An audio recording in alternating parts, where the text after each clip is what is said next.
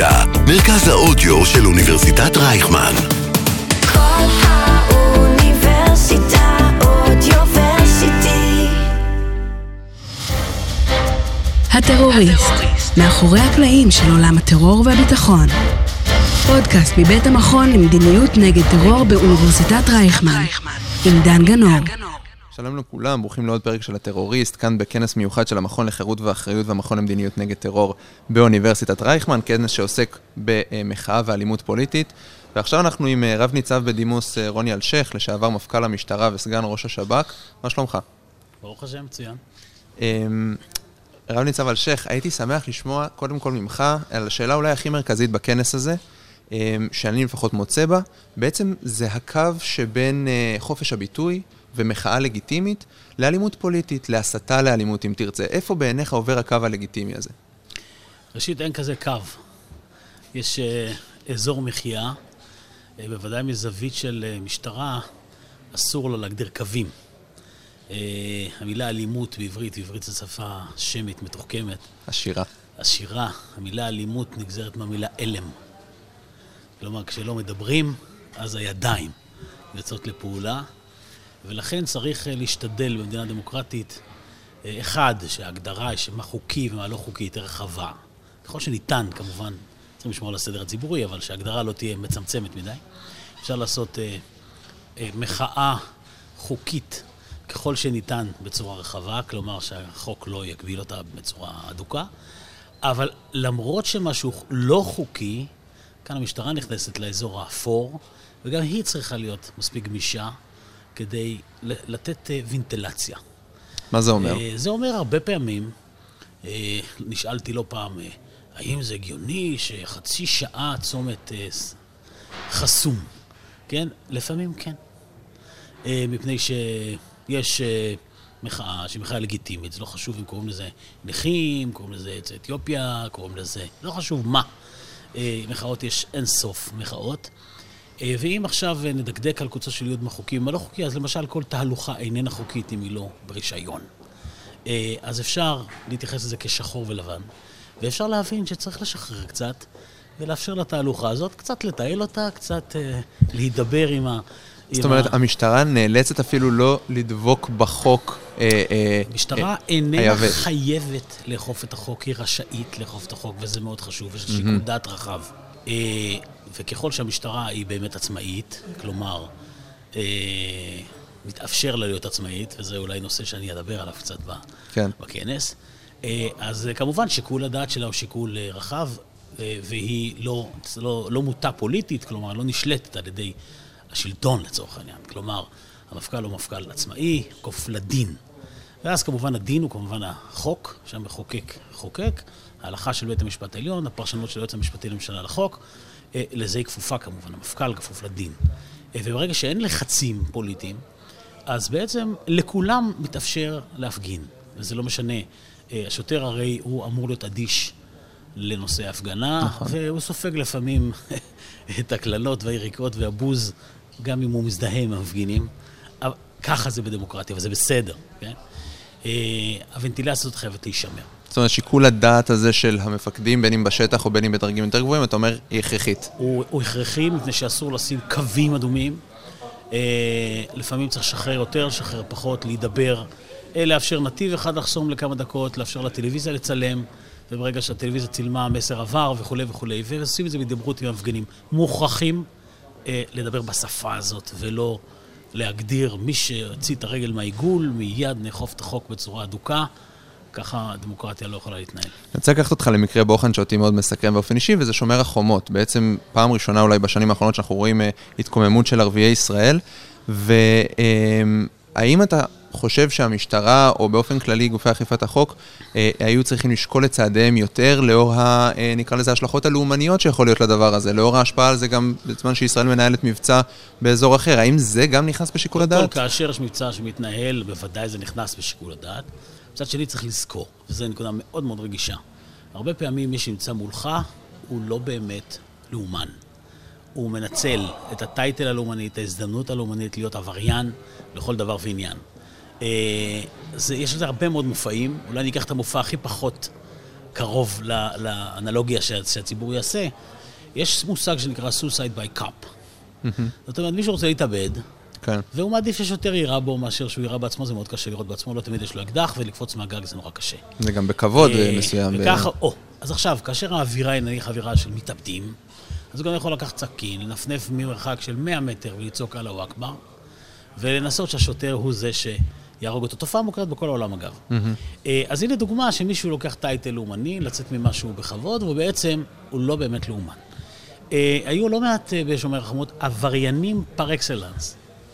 היה שיתופי פעולה בין ארגוני פשיעה ובין תנועה אסלאמית. והמשטרה חייבת להיות, להבין את האירוע הזה על בוריו, כדי לפצח אותו נכון ולשמור את האיזונים הנכונים. מצד אחד, זה יכול להיות משהו שאפשר לתת לו במה כ- כמחאה אפילו תוך כדי לחימה.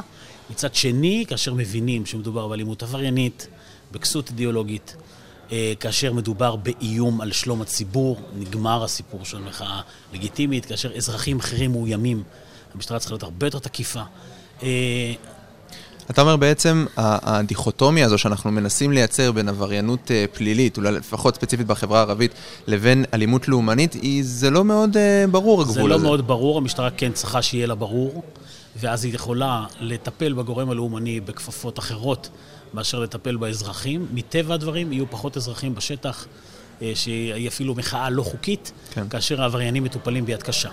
ואתה צריך מודיעין בשביל זה, וצריך אה, הרבה מאוד, ככה בסכין של מנתחים, מנתחים לטפל בזה, אה, ובעצם אז מוצאים הרבה פחות אלימות בשטח, כי את מה שאפשר לעצור בשק השינה, עוצרים כבר בשק השינה לילה קודם.